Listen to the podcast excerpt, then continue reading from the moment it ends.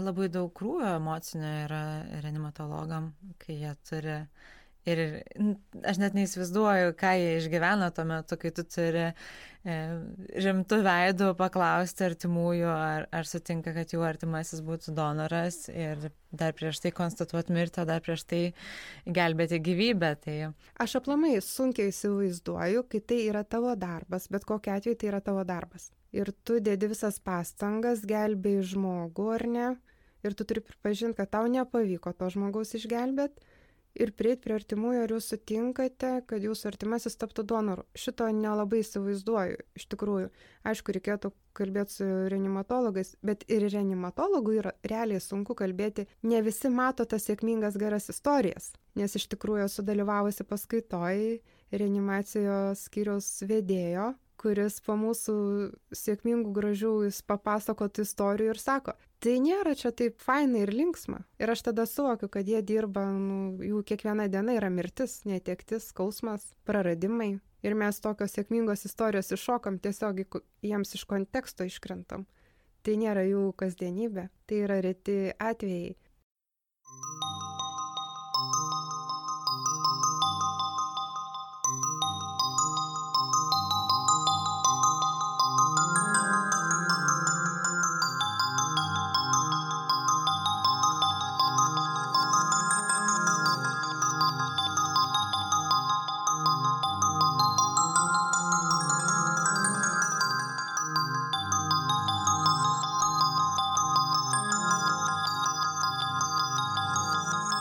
Labas, su jumis sveikinasi Karolina Dačkutė ir čia yra pirmasis ir nutiko tai podcastas, arba kitaip tariant tinklalaidė. Turbūt dalis jūsų pažįstate mus iš internetinės platformos, kurioje dalinamės tekstais bei pokalbiais apie samoningesnį požiūrį į organų donorystę.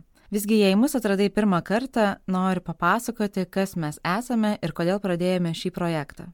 2017 metais kovo mėnesį mano sužadėtinio aišiui diagnozavo inkstų nepakankamumą ir pasakė, kad būtina transplantuoti inkstą, o iki operacijos taikyti dializės. Ši žinia buvo kaip perkūnas iš gėdro dangaus. Abu perėjom įvairius psichologinius etapus, aš kaip artimoji ilgą laiką negalėjau savo pripažinti, kad man kaip artimai gali skaudėti, o aišiui sunkiausia buvo priimti šį sunkų ir netikėtą sveikatos iššūkį bei pripažinti, kad jam tai nutiko puslapyje ir nutiko tai dalinamės detalesnėmis aiščio mano ir projekto gimimo istorijomis. Bet turbūt svarbiausias dalykas vedantis mus į priekį yra noras, kad žmonės daugiau žinotų apie organų donorystę, žinotų daugiau faktų nei mitų ir kad ir medijoje galėtume rasti daugiau atvirų, nuoširdžių, tikrų istorijų. Kai pati susidūriau su šią temą, labai norėjusi naujos ir šviesios, primtinos man ir pačiai formos. Asmeniškai man labai svarbu, kad apie donorystę visi kartu mokytumėmės kalbėti atvirai ir sąmoningai, bei tikiuosi, kad šiame podcast'e tai ir darysime. Šį projektą paleidome kovo 14 dieną per pasaulinę inkstų dieną ir jau turime apie 20 pokalbių bei tekstų. Labai kviečiu užsukti šias istorijas paskaityti, nes kiekviena jų yra įkvepianti ir labai įdomi. Tačiau rašytinėme interviu yra vienas minusas dingsta visos emocijos, juokas. Juk kai skliaustelėse įrašome juokėsi, niekas nežino, kaip juokėsi tas žmogus. Ar susijęmės už pilvo, ar tik truputį prunkštelėjo. Tad spalio mėnesį, donorystės mėnesį, mes pristatome jums podcastą, kuriame kalbinsime įvairius žmonės, tiek gydytojus, filosofus, psichologus, tiek žmonės, kuriems tai nutiko ir tikėsime pasibelsti jūsų širdis bei ausis. Mūsų pirmasis pokalbis yra su gyvastimi, nevyriausybinė organizacija, vienijančia žmonės, kurie vienaip ar kitaip yra susijęs su organų donorystė. Sergančius, gyvenančius persodintų organų dėka ar jų laukiančius, jų artimuosius bei medikus. Kaip organizacija ji dirba dviem kryptim skleidžia donorystės idėją visuomenėje, siekia, kad kuo daugiau žmonių apie ją išgirstų ir pagalvotų, bei atstovauja pacientų teisės, teikia jiems įvairialypę informaciją bei psichologinę pagalbą. Tikėdami donorystės idėją, jie kuria bendruomenę. Šį kartą su Irma, Audronė ir Užra kalbame apie tai, ar organų donorystė gali būti įdomi, bei aptarėme ją supančius mitus ir stereotipus, bei pasidaliname savais išgyvenimais. Prieš pat pokalbį noriu šiek tiek papasakoti apie save.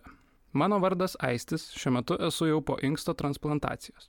Pripažinsiu, pirmajame pokalbėje norėjau dalyvauti kur kas aktyviau bei pasidalinti tam tikromis detalėmis iš asmeninės patirties, tačiau vis dar mokausi atvirai apie tai kalbėti. Belieka tikėtis, kad busimuose pokalbiuose su savo baimėmis susidoroti pavyks kur kas geriau. Nieko nelaukdamas, noriu padėkoti Lietuvos asociacijai gyvastis, vykdančiai nacionalinių nevyriausybinių organizacijų institucinio stiprinimo projektą, finansuojama socialinės apsaugos ir darbo ministerijos. Nuoširdžiai dėkojame ir podcast'ui muziką sukūrusiai Viltai Žakevičiūtei, na o už nepriekaištingą garso kokybę esame dėkingi Lietuvos nacionaliniai Martino Mažvido bibliotekai bei Aistei Sukata. Pirmojoje mūsų tinklalaidėje svečiuojasi trys nuostabios moteris Lietuvos asociacijos gyvastis prezidentė Užra Degutytė. Labadiena. E, gyvasties tarybos pirmininkė Audronė Tutlienė. Labadiena. Ir gyvasties Kauno skyriaus pirmininkė Irma Juodienė. Sveiki. Tai sveiki, labai gražiai čia mūsų aistis pristatė ir aš irgi labai džiaugiuosi, kad pradedam kurti pirmą Lietuvoje tinklalaidą apie organų donorystę ir iškart noriu paklausti jūsų, kaip jūs jaučiatės, koks jausmas, kokios mintis. Jausmas ir mintis tokias, kad papuolėm į kažką tai naujo, nepažįstamo, bet aš kažkaip visą laiką galvoju, kad tokie dalykai tai yra vienas didelis žingsnis į priekį ir to pačiu praplečiant savo esamą komforto zoną. Tai kažkaip, jo, įdomu, kas čia bus iš tikrųjų. iš tikrųjų džiugu, kad e, organų donorystė toks kaip ir senas reikalas, ar ne, o čia naujom priemonėm bandom pasibelsti visų širdis. Gal kažkokią tai naujovę, naujieną pati niekad nedalyvavusi tokiuose dalykuose ir net nelabai įsivaizduoju, kas tas yra podcastas. Bus labai įdomu pažiūrėti, kas čia gausis. Iš tikrųjų labai džiaugiuosi ir su nekantrumu laukiu, kas čia bus, nes tiek, kaip bus dabar, kaip mes bendrausim, kalbėsim ir galutinė rezultato, kada klausysim pačios, patys ir klausytojai. Aš tai dar galvoju, kad labai smagu, kad va šita platforma ir nutiko tai, e, eina labai inovatyviai, labai plačiai ir netgi, sakyčiau, net ne, ne tik, kad eina, bet net ir bėga plačiai žingsniais. Jeigu tik tai va prieš metus dar Karolina su tavim kalbėjom apie tik tai kaip galimybę kažką tai daryti, po pusmečio jau projektas sustartavo, dar praėjus keliam mėnesiam mes, vat, dabar šio, šio momentu tiesiog į kažką naujo ir labai inovatyvaus eina. Tai tiesiog labai sveikintina jūsų ta tokia pati idėja, donorystės idėjos skleidimas būtent tokiam priemonėm. Aš ir kažkaip e, galvoju, kad šią podcast'o e, tema galėtų būti, e, ar organų donorystė gali būti įdomi. E, nes e, tai yra medicinis stebuklas ir tai labai rūpi ir medikams, ir artimiesiems, ir tiems žmonėms, kuriems tai nutiko, bet ar gali būti ši tema visuomeniai įdomi kaip pati tema? Ką Jūs manote apie tai?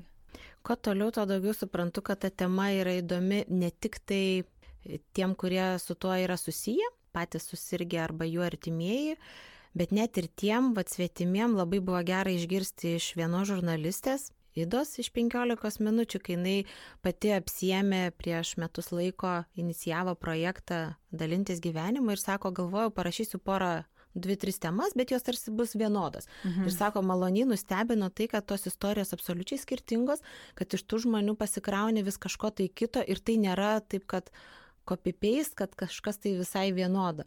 Vat net ir skaitant jūsų tas istorijas, pamatai, kad tai nėra vien tik tai kaip Organo persodinimas tai nėra vien tik tai lyga kaip diagnozės nustatymas, tai yra kur kas daugiau, tai yra žmonės, kurie turi savo gyvenimus, savo artimuosius, savo pomėgius ir jie visi skirtingai išgyvena tą žinią apie lygos sužinojimą, jie skirtingai priema tą visą patirtį ir labai gera matyti ir jausti, kada net ir tas skausminga patirtis išeina į kažką tokio prasmingo ir gražaus.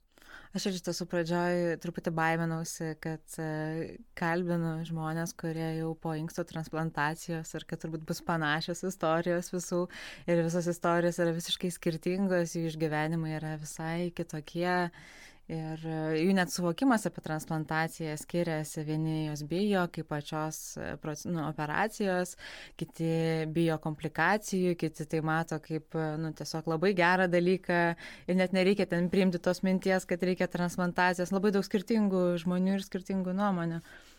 Būtent, kad donorystė ir pati transplantacija, jeigu apie tai kalbėti, yra daug skirtingų požiūrio kampų, ar ne? Kiekvienas mes galim į tai žiūrėti iš savo požiūrio kampo.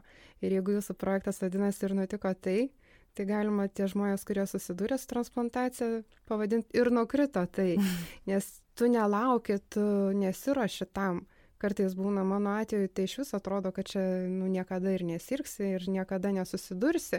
Ir jeigu tu esi jaunas žmogus taigi tu neplanuoji sirgti. Iš principo neplanuoji sirgti ir staiga tu susirgi ir transplantacija ir dar jeigu svetimiem žmonėm pasakai kad tau transplantuotas inkstas tas žodis transplantuotas tai kaip koks ufonautas ar ne atrodo su šlangutėm iš kosmoso kažkoks čia pajungtas prijungtas.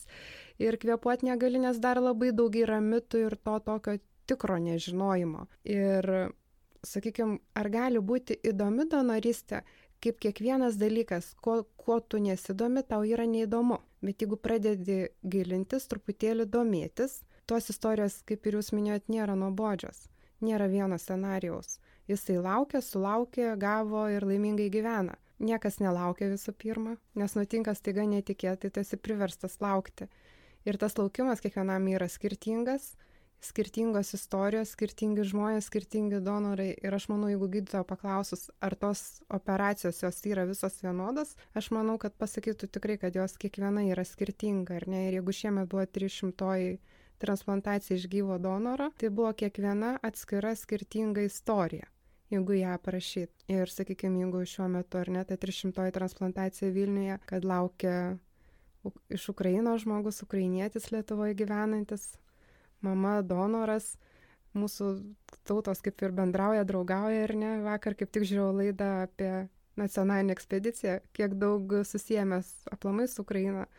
Tai tiesiog ir jeigu pažiūrėjus imunologinius tyrimus dažnai gydytojai sako jeigu buvo kaip pasakyt, didelės šeimos, tai tavo genetika yra plati ir didesnis atitikimas yra donoro. Bet jeigu tavo mažesnis atitikimas reiškia, tavo šeima mažiau, nu, gimininga buvo, ar ne, tai ir Ukraina, tai galvoju, mes, nu, labai giminingi ir jeigu jau pradėjus imunologais kalbėti, čia la, galima rasti labai daug įdomių tokių sąsajų. Mhm. Jeigu jau kalbėti plačiaja prasme, ar tai gali būti įdomu. Aš manau, kad tai turėtų būti, nu, labai įdomi sritis - donorystė ir transplantacija.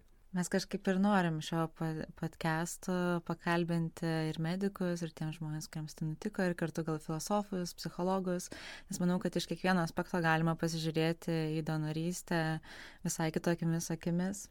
Nes aš manau, mokslininkai, ypač tie, kurie daro mokslą ar ne imunologai, būtent tą žmogaus sutapimą su kito žmogum ar ne organais, ten šiai dienai kiek yra šeši tie tipai, ar ne, kurie plus minus gali sutapti, būtų tiesiog, aš net norėčiau paklausyti mhm. mokslininko imunologo, kaip žmogus su kitu žmogum, ko, kokia istorija prieš istoriją gali mus sėti. Audronė, kaip, kaip jums, ar gali būti organų donorystės tema įdomi, ką manot? Aš manau, kad ji negali būti neįdomi. Ir kalbant vėlgi apie ir nutiko tai, ir kad kiekvienam dar patvirtino, kad skirtingai nutinka, kaip Irma sako, jei visai netikėtai tas buvo, nutiko kaip staiga lyga iš niekur. Mano atveju aš kaip ir laukiau, žinojau, kad man tai bus, nes tai yra, na, kitos lygos pasiekmė, kad reikėjo transplantacijos bet vis tiek tas, kai jau pasako čia ir dabar, iš tikrųjų ir nutiko tai, ir taip kaip perkūnas iš gėdro dangaus, nors tu žinai tai.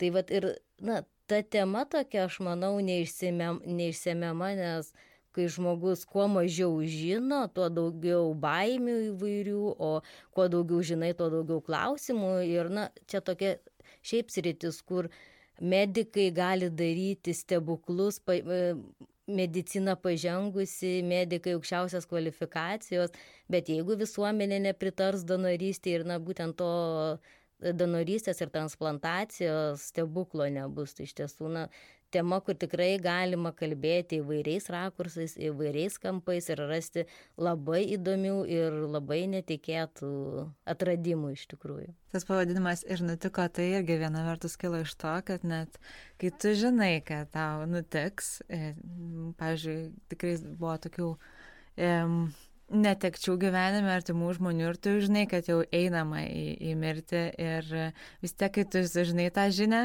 tau tave tai ištinka, tai tau nutinka, tu negali tam pasiruošti, net jeigu tu žinai, tai turbūt ir su lyga yra taip. Aišku, šiuo atveju tai čia tiesiog buvo netikėtas smūgis iš gėdro dangaus, tai vis, visa ta reikšmė ir nutiko tai. Aš gal tiesiog iš karto pereisiu prie kito klausimo, mm, nes Audronė užsiminė, kaip tik labai svarbu yra tarsi, kad visuomenėje pasklistų ta donorystės idėja, kad ji būtų priimtina. Ir iš tikrųjų neretai žmonės į organų donorystę žiūri taip pakankamai įtariai vis dar visuomeniai. Tai aš norėčiau paklausti, kokie buvo patys keiščiausi galbūt girdėti stereotipai apie organų donorystę ką daryti, kad laikui bėgant jie būtų vis mažiau gajus. Gal įdomiausia istorija yra iš tikrųjų mano, nes mes išėjom į aikštės žmonių švietimo apie organų donorystę pakankamai jau senai, prieš kokį 16-17 metų prieidavom prie žmogaus ir sako, mes propaguojam organų donorystę.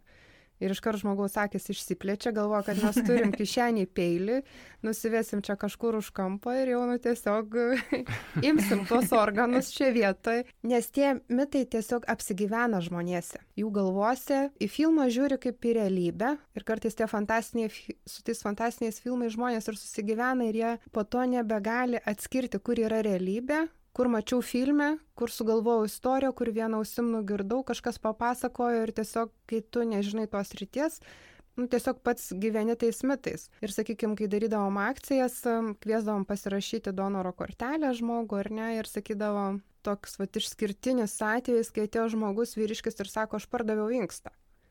Aš sutrikau, bet gydytoja nepasimetė, sako, pakelkit marškinėlius. Ir jisai sako, kam reikia.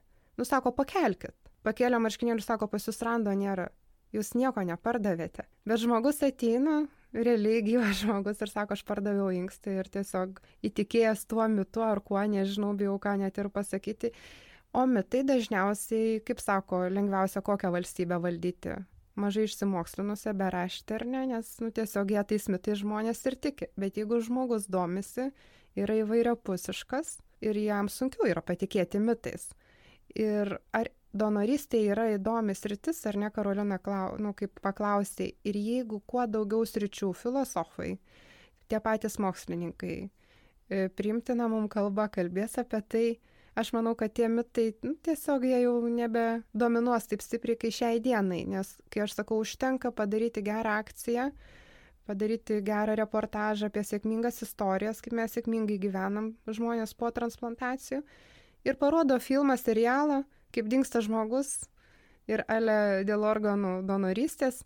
Ir tas žmogus, jeigu prieš tai galvojo, kad oi, kaip čia gerai, kaip aš noriu pasikalbėti, kaip aš sutinku, pritariu, po to serialo, kuris yra visiškai fantastinis, visiškai sugalvotas, atsisėdo pagalvoja, nu jo, čia ne, aš nebenoriu pritarti, nenoriu sutikti ir taip toliau. Ir tik fikcija, ne faktais, nepasidomi. Aš sakau, kartais bet... žmonės apsigyvena toj tokioj virtualybei nebeskiria, kur yra virtualu, kur yra realu. Čia gal daugiau apie jaunimą dabar kalbu, bet kuo daugiau apie tai kalbi ir įdomią formą kalbi, aš manau, daugiau ausų ir pasiekia. Bet dar čia gal kažkaip yra svarbus politikos vaidmuo. Jeigu politikai kažkaip kitaip žiūrėtų į organų donorystę arba būtų priimti statymai, gal truputį palengvintų, gal būtų mažiau mitų, ką manote? O čia mano arkliukas politika yra. Pataikiau.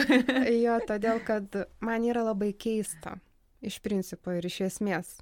Visos rytis yra svarbios. Ir kiekviena turi turėti savo lentyną. Negali būti jokias rytis apleista, pamiršta ir numesta, kaip šiai dienai yra donorystė, transplantacija Jeigu medikai važiuoja iš idėjos, iš savo asmeninių dalių iniciatyvų, nenorėdami apkerpėti, veda visą donoristės rytį į priekį ir politikai galvoja, kad čia taip ir važiuos, nu tiesiog yra keista.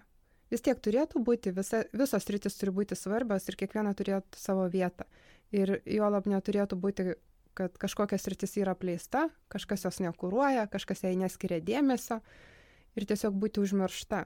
Šito netoleruoju ir kai aš skau čia mano arkliukas ir šiai dienai esu be galo pikta, kad mes negalim niekaip dasibelsti iki politikų ausų, širdžių, galvų, nežinau iki kur dar, kad norėtų ir siektų, kad būtų donorystė, transplantacija turėtų savo vietą sveikatos sistemai, turėtų pakankamą dėmesį, gali būti nepakankamas, gali būti minimalus, bet dėmesys turėtų būti bet koks. Net ir tie paskaičiavimai yra kaip Europos mastu atlikti tyrimai, paskaičiavimai ekonominiai, jau, kas sakau, pirmoje vietoje vis tiek tai turėtų būti žmogaus gyvenimo kokybė, bet jeigu skaičiuoti apie gydimo būdo parinkimą, tai europinė patirtis rodo, kad pirmoje vietoje turėtų būti organų transplantacija, antroje vietoje peritoninė dializė, kuomet neveikia inkstai ir tik tai galiausiai hemodializė, kada netinkami pirmieji du būdai. Pas mus Lietuvoje kažkodėl yra atvirkščiai,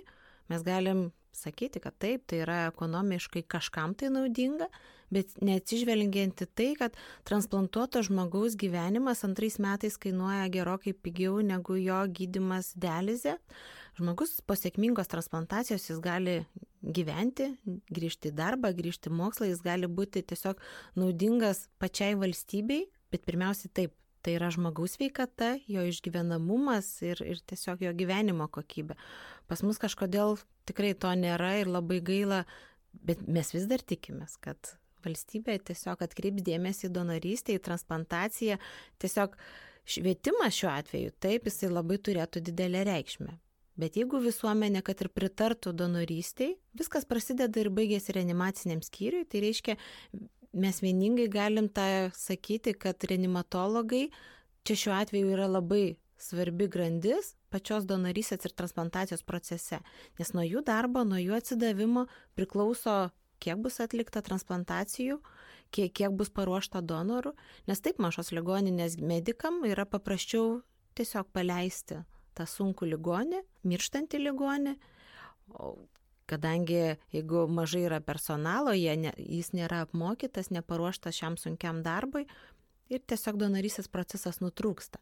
Didesnėse ligoninėse, kur yra daugiau medikų, kurie dirba, vat, kaip pirmą minėjau, iš pašaukimo, iš idėjos, tai jie kalbės apie tą donorystę, kad ir tai yra be galo sunku ir psichologiškai, ir fiziškai, bet jie kai tiki ir dega tą donorystės idėją, rezultatai yra visai kitokie. Tai tiesiog norisi atkreipti mūsų valdžios dėmesį, kad tai yra svarbu. Donorystė yra grandinė, kur viena grandis be kitos negali būti.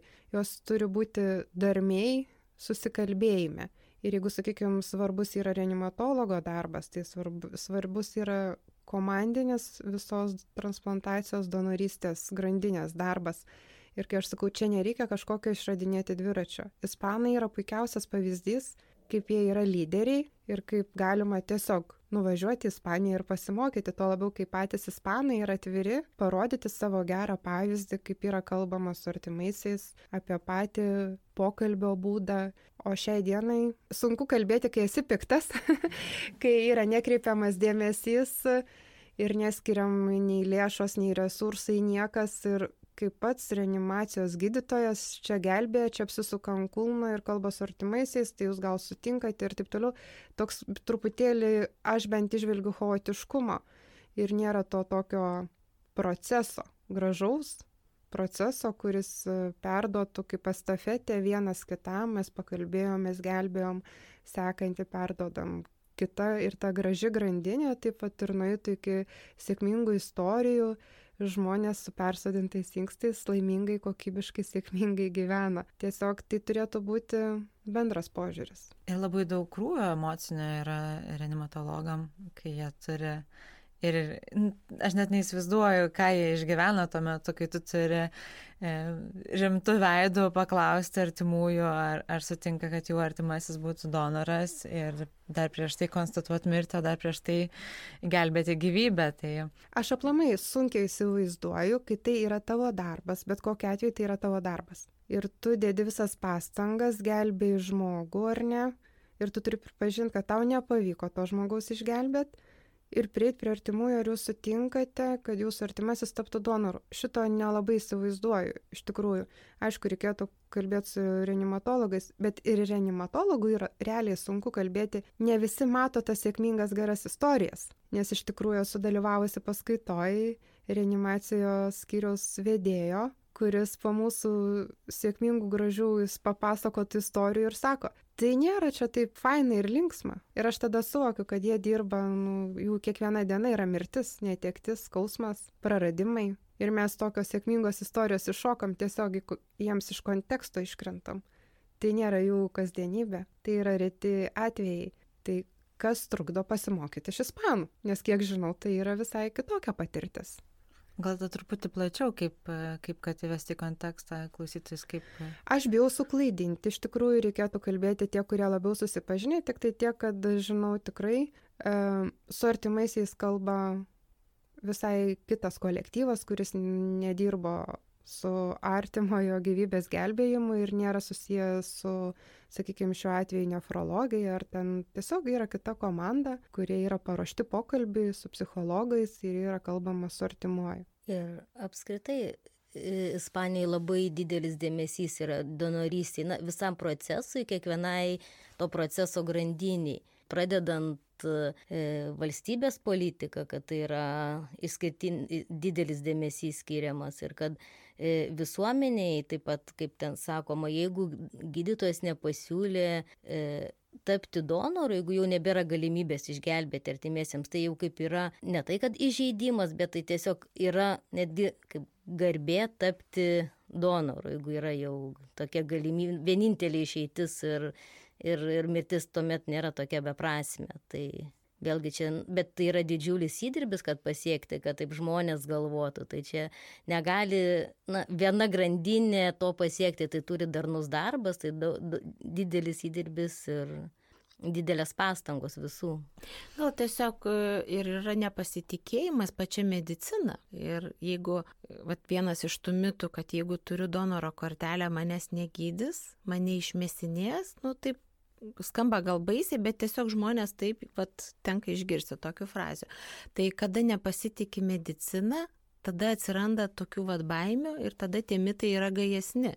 Bet iš kitos pusės, kas sukuria tuos mitus? Ar, ar tai nėra e, televizijos, pačios žiniasklaidos, va tas toksai druskos įpilimas į ugnį ir išdidinimas. Aš atsimenu prieš keletą metų, tas prieš keletą, gal prieš aštuonis metus, e, tiesiog buvo parodoma, ne va tai tokia baisi istorija, e, kuomet vyrui pašal... Rusijai labai nesteriliom sąlygom buvo pašalintas vienas plautis ir jisai rodo tiesiog į ekraną savo plaučių nuotrauką, sako, va matot, nėra plaučio vienos dalies. Tas, kas supranta šiek tiek vat tą nuotrauką, tai jie matė abi plaučio dalis. Pa žmogų randu, vat, kaip pirmą minėjo apie inkstą, lygiai taip pat nebuvo, kad išimti plauti tiesiog plaučio dalį reikalinga pakankamai sudėtinga operacija ir tikrai netokiam kažkokiam rodytam rusybė aparatūrų ir žmogus taip gerai staigiai nesijaustų.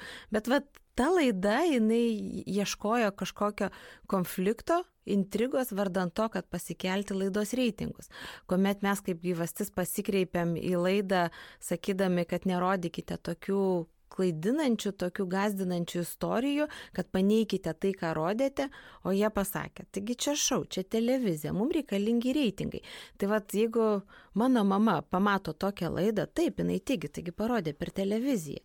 Jeigu e, kažkoks leidinys e, paėmęs, pakopijavęs užsienio spaudą, parašo apie tai, kaip autobusiukas pakeliai surenka vaikus ir išmesinėja organam. Taip, mano mama paskaičius taip, jinai tikrai tuom tikės. Jinai nepasidomės taip, kaip yra iš tikrųjų, bet jinai patikės tai, ką rašo, tai, ką rodo, Tai aš galvoju, kad žurnalistų ir aplamai žiniasklaidos turėtų būti tas atsakingesnis darbas, galvojant apie tai, kad čia yra mirtis, čia yra gyvybė. Kiekvienam gali nedaug dievė tas atsitikti, bet tai yra tas rytis, su kuria negalima juokauti ir, ir kuri turėtų būti teisingai nušviečiama ir parodoma. Tikrai niekas nesodintų organo netinkančio nes tai yra pakankamai didelė rizika tam pačiam žmogui, kuriam transplantuoja, rizikuoja ir medikas, kuris norėtų rizikuoti, manau, nei vienas.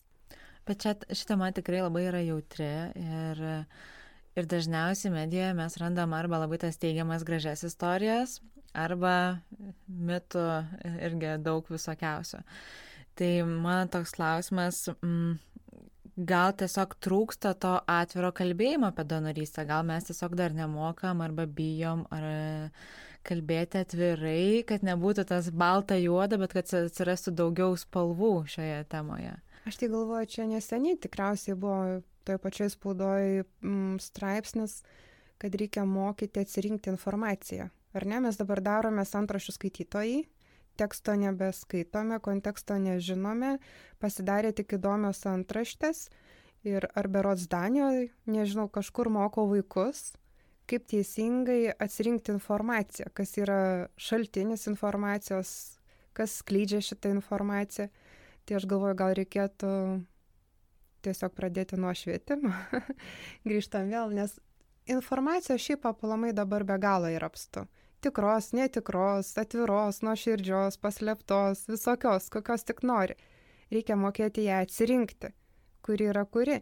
Nes kartais irgi, nu, sakykime, kaip iš mano paciento pusės kalbėti apie mediciną, imunologinius tyrimus, nu, kartais yra, nu, gal sakyčiau, iš mano pusės ir kvailai atrodo, nes aš nesu tos ryties specialistas, aš galiu ir nusikalbėti.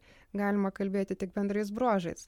Bet yra vienareikšmiškai paimti, sutikti gatvėje žmogų sveiką ir kad jo organai tiks tau, kuris nors minimaliai turi informacijos, tai galim, nu, tiesiog gali logiškai suvokti, kad tai yra neįmanoma tiesiog mediciniškai yra neįmanoma. Ir jeigu man dono, mano donoras yra mano mama, mano giminiškas žmogus, aš vis tiek vartoju vaistus, kad netmestų to inksto mamo šiai dienai man įsodinto, nes jis vis tiek yra svetimkūnis mano organizme.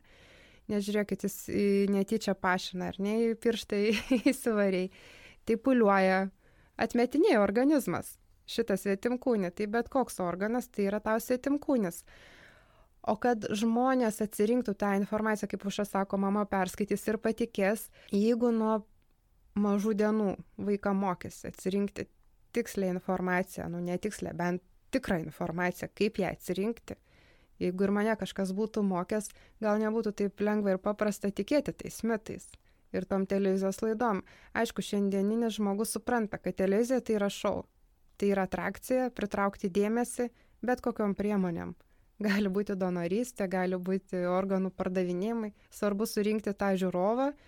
Ir šiai dienai, nu, matom, tai yra pigus triukai ar ne, mirtis, visokios avarijos, muštinės, peštinės ir kažkaip žmogaus dar šiai dienai gerų nesudominsi, tik tai bloguoju. Bet jeigu nuo, nuo pirmų klasių, ten pirmų metų vaiko gyvenimo mokai atsirinkti informaciją, teisingą informaciją, tai po to tiesiog tu jo nesuviliosi kažkokią klaid, klaidinančią ir netikrą.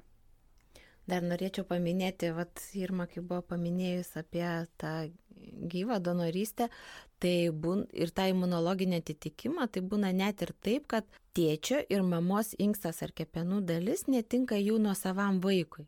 Jeigu mes vat, galim sakyti, va čia mano vaikas, jis turėtų būti genetiškai man labai artimas. Tai būna taip, kad tiesiog netinka.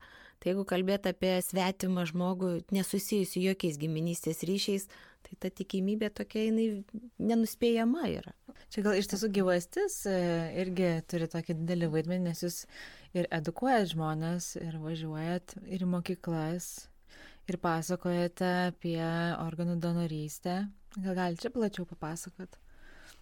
Labai galim, galim tikrai pasidžiaugti, kad per keletą metų labai jaučiasi tas toksai pokytis taip kaip mus priema, taip kaip mus girdi, jeigu anksčiau mes tiesiog siūlydavėmis su paskaitom, kad vat, galim atvažiuoti į mokyklą, į kolektyvą, paskaityti paskaitą, tiesiog supažindinti su tą organų donorystę.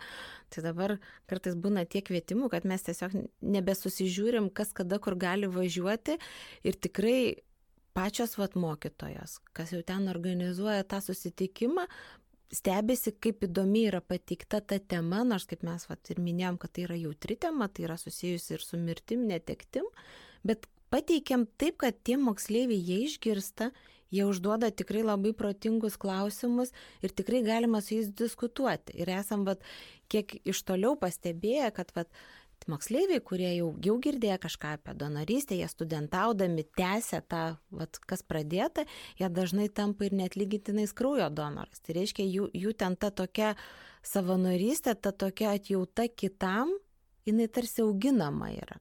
Taip yra kur kas sunkiau vyresnio amžiaus žmogui pasakyti, kad taip yra, tokia savanorystė, yra tokia donorystė, jam tą priimti yra sunkiau, kadangi jau jisai yra susiformavęs kaip žmogus, turinti savo nuomonę ir kas tą nuomonę gali pakeisti, nu, tikriausiai mažai, kurie pasiryštų va taip kardinaliai pakeisti savo tą nuomonę. O tie auginami moksleiviai, studentai, jie tikrai gerai žmonėm gali užaukti. Taip, nes, pavyzdžiui, 98 metais, ar ne, buvo ta tokia mano akim labai garsi istorija. Mama savo sunaus organus paukojo donorystį. Visas kaimas pasmerkė mamą. Ką tu čia sugalvojai, ar ne? Dabar aš manau, taip nenutiktų, visuomenė nebesmerkė visuomenė, nu kaip ir didžiuojasi, kaip tu ir didvyris, ar ne, kuris sunkia savo akimirko momentu tu sutikai paukoti. Jau nėra smerkimo, reiškia, mes einam į priekį. Bet 98 metai, tai čia prieš kiek, prieš 20... Dar senai labai. nu, prieš daug metų, vienu žodžiu. prieš 20 metų ir daugiau. Tai jeigu dabar labai taip tas pasaulis greitai sukasi, gyvenimas žiauriai greitai eina, tai tas dvidešim metų yra labai daug norėtųsi greičiau biškį kad nu po penkių metų jau sakykim visi supranta apie ką kalbame ar ne ir tas politiko pasiūlytas modelis būtų visiem jau nebe atmetimo reakcija o tiesiog o viskas okei pritariam ar ne? Bet viskam reikia daaugti visur reikia priaugti visam viskam reikia laiko tiktai kartais norisi viską nu truputėlį pagreitint kur tau naudinga. Aišku, tą naudą, nu, kas kaip paskaičiuos. Kartais tenka paskaityti tokių frazių, kad sako, jūs tie, kurie laukia, tai va todėl jūs kalbate apie donorystę, kad jūs greičiau sulauktumėt. Ta, tą švietimą darai ne todėl, kad, nu, tiesiogiai, ar aš, ar, ar draugas gautų inkstą ar kepenų, bet tiesiog tą darai iš širdies, nes tu tiki tą tokią idėją. Ir prieš keletą mėnesių E, gyvasties narė Indrė su savo dvinukais sudalyvavo laidoje ir vienokioje ir kitokioje, tiesiog gražiai parodydama tą pačios donorystės prasme, kuomet ji, būdama jauna mergina, gavo inkstą, o po keleto metų sėkmingai ištekėjo ir prieš metus pagimdė dvinukus. Tai aš galvoju, va tokios gražios, pozityvios istorijos, nu net ir nereikia kažko tai daugiau kalbėti apie tą donorystės prasme, nes tai jau yra labai daug, tai yra labai viskas, tikrai. Ir tuomet labai pasijaučia, kad vis, tada daugiau tų žmonių pritarė tai donorystė, išreikšdami tą savo sutikimą, užpildydami sutikimą donoro korteliai gauti. Tai vad, kuo daugiau tų gražių istorijų, to visuomenė tada samoningesnė ir labiau priema tą kaip neprimetama kažkokią va tą idėją donorysės, bet tiesiog taip kaip priema kaip faktą. Bet čia dar labai svarbus ir um, artimųjų vaidmuo. Ir vakar pasakojau susipažinau su mergina ir pakalbėjom apie donorystę ir jinai turi kortelę ir jai buvo absoliuti naujiena, kad e, vis tiek artimieji turi lemiamą žodį. Ir jinai tada sako, tai gal galėčiau ir turiu donoro kortelę ir pasirašau tą dokumentą, kad jau tikrai turiu būti donoras, jeigu tinku, aišku, ir kad niekas negali paprieštarauti. Ir, ir nu, ne, vis tiek turi kalbėti su savo artimaisiais, iš tiesų tai yra svarbu. Vienareikšmiškai taip, nes dažnai tenka išgirsti, kad ypatingai jaunimas, kurie užpildo tą sutikimą donoro kortelį gauti ir mes visą laiką sakom, pasakykite apie tai savo tevam, kad jūs užpildėt, ką jūs apie tai galvojat, tada būna pasakymai, ne, nesakysiu, nes jie greičiausiai nesutiks. Ką tai reiškia? Vat nedaug dievė atsitinka tam jaunam žmogui nelaimė, reanimaciniam jam nustatoma smegenų mirtis ir klausia artimųjų sutikimų. Artimieji nieko apie tai negirdėję. Tai reiškia, jiem ta šokas, jiem paprasčiau nesutikti, negu galvot, ką prieš tai galvojo jų artimas žmogus. Ir tada donorysės procesas nutrūksta. Čia šiuo atveju, kaip mes sakom, susikerta teisė ir moralė. Teisiškai taip, medikai turėtų tokią teisę paimti organus donorystiai, kadangi žmogus gyvas būdamas jis išreiškia tą sutikimą oficialiai, bet moralė yra tokia, kad jeigu prasidėtų artimųjų ir medikų tas toksai vat konfliktas, vieni savo įrodinėtų, kiti savo, kiltų didžiulis konfliktas, išeitų viešumą, ko pasiekoje donorysės procesas greičiausiai sustotų ir sustotų tikrai ilgesniam laikui. Ta statyti pasitikėjimą donorysės idėja yra daug sunkiau negu tiesiog vienu skandalingu straipsniu tą visą sugriauti. Tai va čia šiuo atveju mes visą laiką ir skatinam, kad tiesiog pokalbis šeimoje turėtų būti svarbesnis negu pačios tos donoro kortelės užpildymas. Ji daugiau yra, mes sakom, simbolinis pritarimas tai donorystiai. Gerai, kai yra apie tai kalbama, užsimenama, bet pirmiausia, tai pokalbis šeimoje. Bet jeigu grįžti apie šeimą vėlgi, tai buvo apklausti donorai ar ne, kurie, su, nu, artimieji, kurių kurie sutiko, kad būtų donoras ir tie, kurie nesutiko, dažniausiai gailėjosi dėl savo sprendimo. Bet vėlgi, kaip ir minėjom Ispanijos pavyzdį, ar ne, kad žmogus atsiduria nu, stresiniai situacijai. Jis gal net galvoja ne taip, kaip jis norėtų galvoti, kai valdo stresas. Sako, stresinė situacija, suskaičiuok iki trijų ir priimk sprendimą. Ten, aš nežinau, jeigu tu netinki artimojo, ten skaičiuok iki kiek nori, iki 3000, stresas neapleidžia. Neapleidžia nei po mėnesio, nei po dviejų, po metų, po dviejų tu gali jau kažkaip ar ne, nu, kitaip žiūrėti, kitų kampu. Tai būtent tas pokalbis ir turėtų vykti psichologai, kurie žino, kaip kalbėti, ar ne. Ir šiai dienai, jeigu 30 procentų artimųjų vis dėlto nepritarė, tai yra didelis skaičius.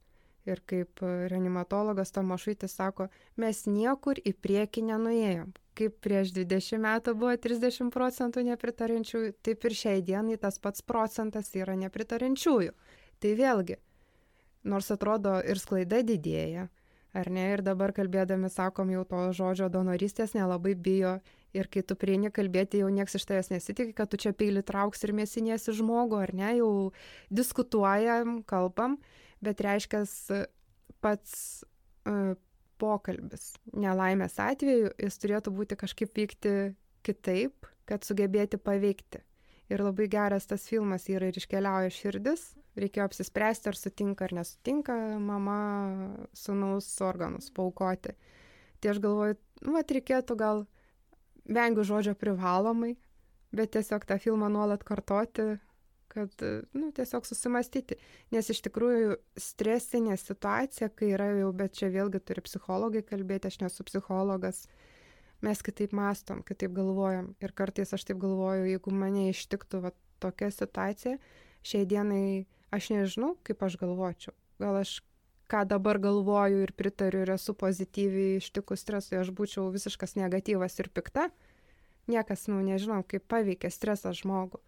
Ir tik psichologas, pažindamas žmogų, sandarą ir taip toliau galėtų krypti tą pokalbį tą linkmę, kad jam būtų lengviau apsispręsti ir po to nesigailėtų dėl savo sprendimo.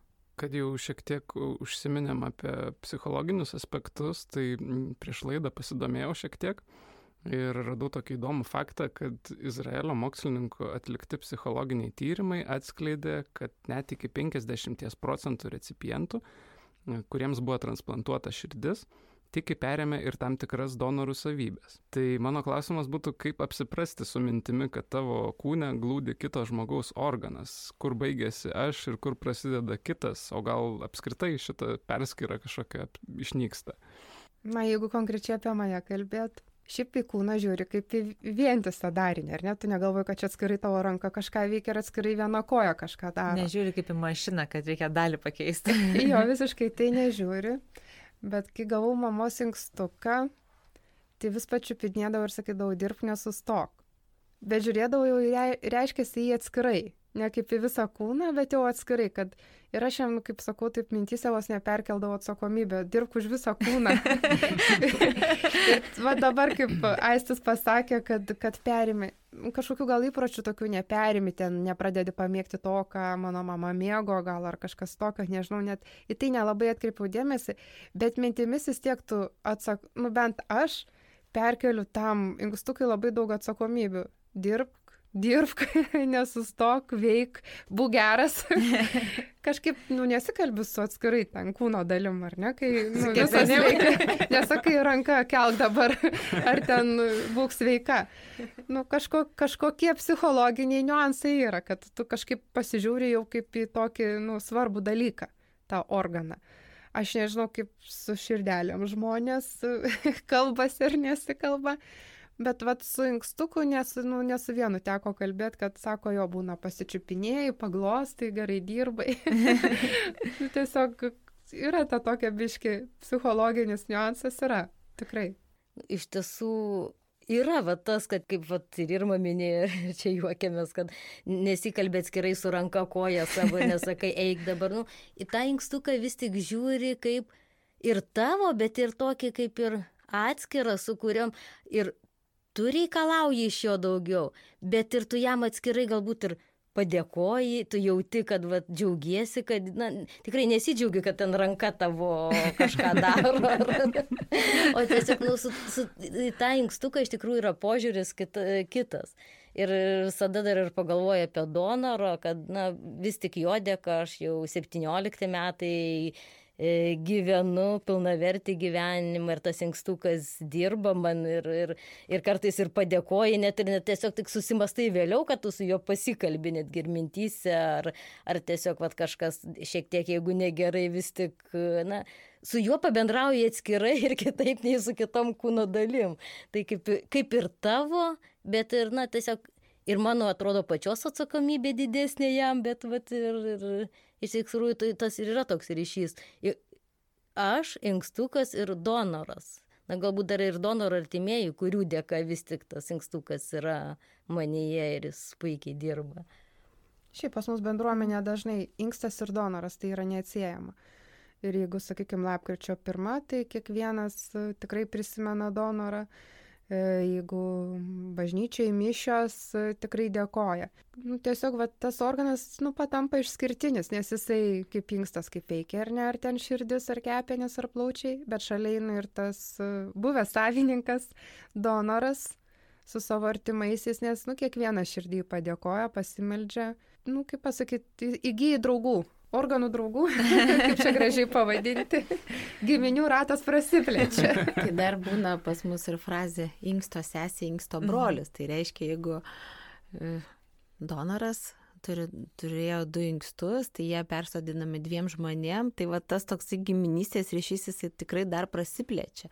O va kaip pirmą minėjo, kad uh, žmonės švenčia tą tarsi antrąjį gimtadienį, kada gavo inkstą ar širdį, ar plaučius, ar kepenis, tai kiekvienas tą progą paminė skirtingai. Vieni užperka mišes, uždegamo žvakutės, o mes kaip gyvastis, kadangi tai nėra aišku, kas kieno yra donoras, tai tiesiog gyvastis kiekvienais metais organizuojam tokia kaip žvakučių akcija kiekvienam donoriui pagerbti per visą Lietuvą ir jau pernai uh, buvo 1607 žvakelės uždegtos Vilniuje, kartu su dar 12 miestų uždegta ta žvakutės, būtent tam kiekvienam donorui pagerbti, kurių mes nepažįstam, bet visi suprantam, kad jų ir jų artimųjų dėka gyvena kiti. Tai tas toks gražus dėkingumo ženklas jis visą laiką yra ir bus ir kaip sako, kom skiriasi žmogus, uh, sveikas nuo žmogaus, kuris jau yra transplantuotas, tai tas transplantuotas jis visą, jį visą gyvenimą lydi va tas dėkingumas va tam savo donorui ir donoro artimiesiam. Nes visi supranta, kad dėka jų jie gali gyventi, mylėti, dirbti tiesiog už gyvenimą. Kad jau užsiminėt apie dėkingumą, tai irgi tokį dar klausimą turiu ar dovanotas organas labiau įpareigoja, o galbūt priešingai išlaisvina kažkuria prasme? Na, ar, ar jaučiate kažkokį įsipareigojimą, tarkim, prieš, prieš e, donorą ar donoro artimuosius, ar, ar, ar tai neša kažkokį psichologinį svorį, o galbūt kaip tik e, jūs tiesiog e, daugiau orientuojatės į tą pasikeitusią, pagerėjusią gyvenimo kokybę ir, ir, ir per daug apie tai nemastot? Koks jūsų asmeninis Šiaip... santykis? Aplamai tas žodis pareiga truputėlį turi tokio negatyvumo, ar ne? Kad tu kažkur įsipareigoji per jėgą, tu to nenori, bet tu įsipareigoji, tave čia kažkas verčia. Nu, aš nepavadinčiau tai pareigos. Vienareikšmiškai. Tai yra žiauriai geras jausmas būti dėkingu. Nu, tiesiog būti dėkingu. Tai tau nieks neliepia būti dėkingu, tu nori būti dėkingu. Ir sakau, tikriausiai, nu, visi norėtų apkabinti tą donorą, ar ne? Padėkoti, nu, tiesiogiai Užtat dažnai, kaip pasakyti, tai yra donorystės paslaptis, ar ne, kas yra mūsų donoras. Aišku, žinau, mano mama yra mano donoras, bet, sakykime, kurie gavo svetimo, neartimojo, jie norėtų žinoti ir visada toks e, palatai guli, tai kas donoras, tai mums tik pasako, ar vyras, ar moteris, ar ne, ir nu plus minus amžių, bet daugiau detalių nu, tiesiog stengiasi neatskleisti. Ir aš manau, kad tai, nu, tai nėra prievartinis, tai yra toks iš širdies, iš gelmių, iš tavo vidaus toks veržiasi, kad ir tu džiaugiesi su tuo džiaugsmu, kad tu esi dėkingas. Nu, aš manau, jis pakilėja. Tikrai tai nėra kažkokia našta, pareiga, kuris lengia. Jis tiesiog, vad gal aš ir klausiau, kuria prasme išlaisvina. Tai ir atidaro tavo čakras kanalus, kad leidžia tam, nu, ačiū iš, iš, iš, išsiveršt. Nes kartais um, yra tokie gyvenimo etapai, atrodo pasakyti ačiū ar kažkam padėkoti, Nu, yra sunku, ar ne? Taip tiesiog, ai, čia aš dabar turiu pasakyti, už ką čia tu nevertas. Nu, gal biški vertas. O čia tiesiog tave vat, ir išlaisvina šitoj vietai, kad tu nepriverstas, tu nenori, tiesiog iš tavęs nuo vulkanų eina, būt dėkingu, bet gimdievė tai ne našta ir ne pareiga. Viena iš dalyvių pasakoja, kad po transplantacijos kartu su inksto sesė jos eidavo į koplyčią santariškių klinikose ir uždegdavo po žvakutę. Ir po to net jau kai ir išėjau po transplantacijos, kai tik tyrimams irgi vis tiek ta tradicija, kad kiekvieną kartą uždegti tą žvakutę ir kažkaip galvoju, kiek daug turbūt donorų artimųjų nežino tų visų istorijų, kai žmonės eina uždeg žvakutės, ne vat, būtent, pažiūrėjau, žvakučių akcijų, bet privačiai, kai eina ir kiek, kiek visko nutinka privačiai už tų durų. Tai tokios neišpasakytos turbūt istorijos, kurių, kurių gaila viena vertus, kad nežino, gal, gal tam tikrą prasme būtų lengviau, jeigu žinotų, kas yra donoras, gal palengvintų, o gal net kaip tik pasunkintų, jeigu tu žinai, kad, tarkim, nežinau, Vat ona iš tavo kaiminė, pavyzdžiui, buvo donorė. Nežinau, ką manat. Ne, iš tikrųjų tas paslapties išsaugojimas, aš manau, tai yra logiška. Kažkur girdėjau, kad Amerikoje kaliniams, kaliniai galėjo būti donorais, inksto berots. Ir jie galėjo savo tapatybę atskleisti ir jiem atlikus bausmę ir išėjus į laisvę ir sužinojus, nu, kam jie kam jie buvo donorais, prie tam tikrų gyvenimo sąlygų, aišku, pablogėjus ateidavo ir sakydavo, aš tau išgelbėjau gyvenimą, tu man esi skolingas. Nu, tiesiog aš galvoju, kad tai yra logiška. Aišku ta paslaptis tokia ko tu nežinai visada yra įdomu tu nori ten praskleisti šydą ir pažiūrėti ir mano e, bakalauro vadovas sakydavo kuo daugiau informacijos žinai tuo labiau pasaulį valdai. Bet ar reikia tą pasaulį kartais valdyti? Ir tas informacijos toksai mm, nežinojimas iš tikrųjų gal labiau ir sustiprina kad vat kažkas buvo, tai gal tu čia man gerą padarai, gal tu nu, tiesiog labiau to gėrio pasiskleidžia šydas, negu kad tu konkrečiai žinai. Tik mane labai dažnai asmeniškai skaudina, bet čia jau mano asmenė yra nuostata, e, kad sako, jeigu galėčiau būti donoru, nenorėčiau būti donoru ten kokiam bomžui ten ar ne, kažkokiam vergetai, pijokui, alkoholikui ar dar kažkas tai. Ne mums spręsti, kam būti donoru ir kodėl mes turim nuspręsti, jis vertas gyventi ar ne. Ar nevertas gyventi, ar ne, iš kur tokios jau pas mus čia galios atsiranda. Tiesiog kartais sakau, tegulėjasi tas gerumas, ar ne, išlaisvama. Ta prasme. Ir tas žinojimas kartais ne visada yra gerai. Šiuo atveju vadonorystėje tai išlieka ta paslapties skyd, tokia skraistė. Bet donoro artimieji turėtų žinoti, kaip mes kiekvienas dėkojam, kaip mes kiekvienas degam žvakutę, kaip kai kurie bėga už savo donorą ar ne, ten mini maratonus, maratonus, pagerbti, atminti, sugalvoja įvairiausių būdų, įvairiausių priemonių, kaip išlaikyti jo, nu, į atmintį ir kai tikriausiai jis tampa nebemirtingu, toks ilgamžis. Kiek yra tekę kalbėti su keliom, va, šeimos nariais, tai pasakydavo taip, kai žinai, kad tavo artimojo inkstas širdis gyvena kituose, tai tarsi ta mirtis nėra tokia beprasme. Nors aišku, prie mirties priprast negalima, matyt, niekas to nepakeis, bet jeigu žmogui tas yra lengviau priimti ir išgyventi ir tiesiog su, suteikiant tai mirčiai kitokią tą prasme, tai matyt, jiem, jiems tas yra gerai. O tai papasakot, kaip jūs visos skirtingos e, dėl bendrų tikslų sutarėte, kaip vyksta jūsų darbo procesas. o, darbo procesas. Čia tikriausiai mūsų stiprybė gal yra, kad esam absoliučiai visos skirtingos, kurios galim vieną kitą papildyti. Kai šnekam, tai dažnai būna šnekam ir chaotiškai, kol išsigrininam vieną bendrą kelią ir mintį, bet tiesiog kai veža pati idėja, veža pati veikla, kai jauti jos prasme, tada ir susikalbėti matyti yra lengviau. Irma tai nepakeičiama mūsų strategija ir finansininkė, dėl ko labai saugiai jaučiamės. Audronė ta, kuri labai kruopšiai ir labai smulkmeniškai viską sužiūri, dėl to vėlgi jaučiamės saugiai, kad ką mes galim praleisti, audronė tikrai nepraleis. Tai tas toks vad skirtingų žmonių buvimas kartu ir papildymas, aš galvoju, kad Tai yra didelis privalumas. Labai geras su jiem dirbti. Labai džiugiuosi, kad, kad taip yra. Ir tada dar pabaigai noriu paklausti tokio klausimo.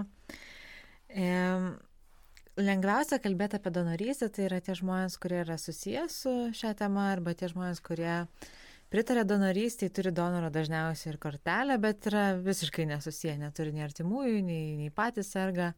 Tai jis labai lengva, bet šiaip iš tiesų pradėti kalbėti šią temą kartais tikrai būna sunku ir net kartais atrodo pradedi savo draugam pasakot, žiūrėk jau po kelių minučių pakeičia temą, nes e, nelabai gal nori apie tai kalbėti.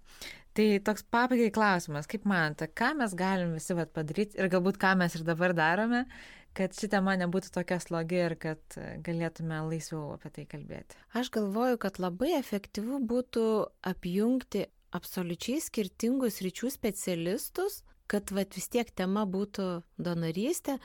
Tai vat, kaip ir pas jūs yra ir fotografai, ir makiažo specialistai, rašantis, ir nu, tiesiog ir, ir menininkai, ir, ir nu, tiesiog, vat, kad sukurti kažką tokio, nes kad skirtingos formos pasiekia skirtingų žmonių širdis ir ausis. Jeigu mes bažnyčiai kalbam, taikydami tą pokalbį kaip vyresnio amžiaus žmonėm, paskaitose jaunesniem, žygiuose nu, galim sakyti, vidutinio amžiaus žmonės, tiesiog skirtingose auditorijose mes turim pateikti tą skirtingą produktą, bet tą, tą produktą, kuris vis tiek kalba apie donorystę. Kažkada organizavom ir dviračių žygį, ir, ir koncertus už donorystę. Dabar labai gyvastis pamėgom pėsčiųjų žygius kartu trenktūro organizuojamuose pėsčiųjų žygiuose. Mes einam kaip didelė komanda, pernai dalyvavo mūsų net 112 ir kada mūsų eina daug, su skareliam užrašų pritariu organų donorystėje, kada sustojam į didžiulę širdį, pajūrį, tarsi va, tos donorystės idėjos įprasminimui ir parodymui, tada apie mus pamato, parašo daugiau tų žmonių. Tai vad skirtingiam skoniam pateikiam skirtingą produktą, bet rezultatas vis tiek organų donorystė. Nusako draudimas pardavinėja produktą gyvybės draudimas, nors jis realiai yra mirties draudimas. Jis nėra gyvybės draudimas. Ir sako, priešus arti laikyk. Tai mirtis kaip mūsų ir priešas, ar ne? Tai reikia susidraugauti su mirtim kaip su neišvengiamybe. Ir gyvenimas, kai sakau, yra dovana, tai reikėtų įprasminti. O įprasminimo yra būdų daug. Ir vienas iš jų tai donorystė. Tai tiesiog, kad tai būtų smagu kalbėti apie donorystę, reikėtų galvoju galvoti kaip savo gyvenimo įprasminimą, o jau kaip sugalvoti, kaip ją įprasminti, galima, va, kaip ir aušra minėjo. Eik, bėk, gulėk, piešk, daryk, kalk, ką, ką nori. Bet kokia veikla, jeigu tu ją įprasmini, jinai tampa prasminga. Pritariu, kad tikrai turim kalbėti įvairiais kampais, įvairiom, kad prie kiekvieno prieiti skirtingų kampus, skirtingų rakursų pagal, pagal amžių, pagal poreikį, pagal supratimą. Tai tiesiog, kas yra natūralu, tas mūsų nebaugina. Ir, na, tiesiog, tai jeigu daugiau kalbėsim, nebūtinai kasdieną be abejo, ir, ir nereikia kasdieną kalbėti, nereikia kasdien galvoti apie tai, bet tiesiog, jeigu tai bus natūralu, tai tiesiog galbūt ir ta pati tema nebus baugi, kuo paprasčiau, kuo lengviau ir kuo kad tai būtų visiškai natūralu. Aš manau, kad kažkuria prasme gal būtų labai sveika mintimis grįžti į baroko laikus, tarkim, kuomet žmonės tikrai dažnai prisimindavo, bandydavo įsivaizduoti tą artėjančią mirties akimirką ir kaip ją pasitiks. Ir viena vertus, tai ir kalbėjimas apie donorystę, manau, galėtų būti irgi vienas iš tų būdų, tiesiog apmastyti, kaip, kaip tu gali, na, pratesti savotiškai savo gyvenimą net ir po mirties. Kažkur mačiau paveiksliuką, kur rašė, taip, aš esu organų donoras, kas nenorėtų mano dalelės tokio gero. O, šitą tai, nemačiau. tai ačiū labai už pokalbį ir šveskim gyvenimą.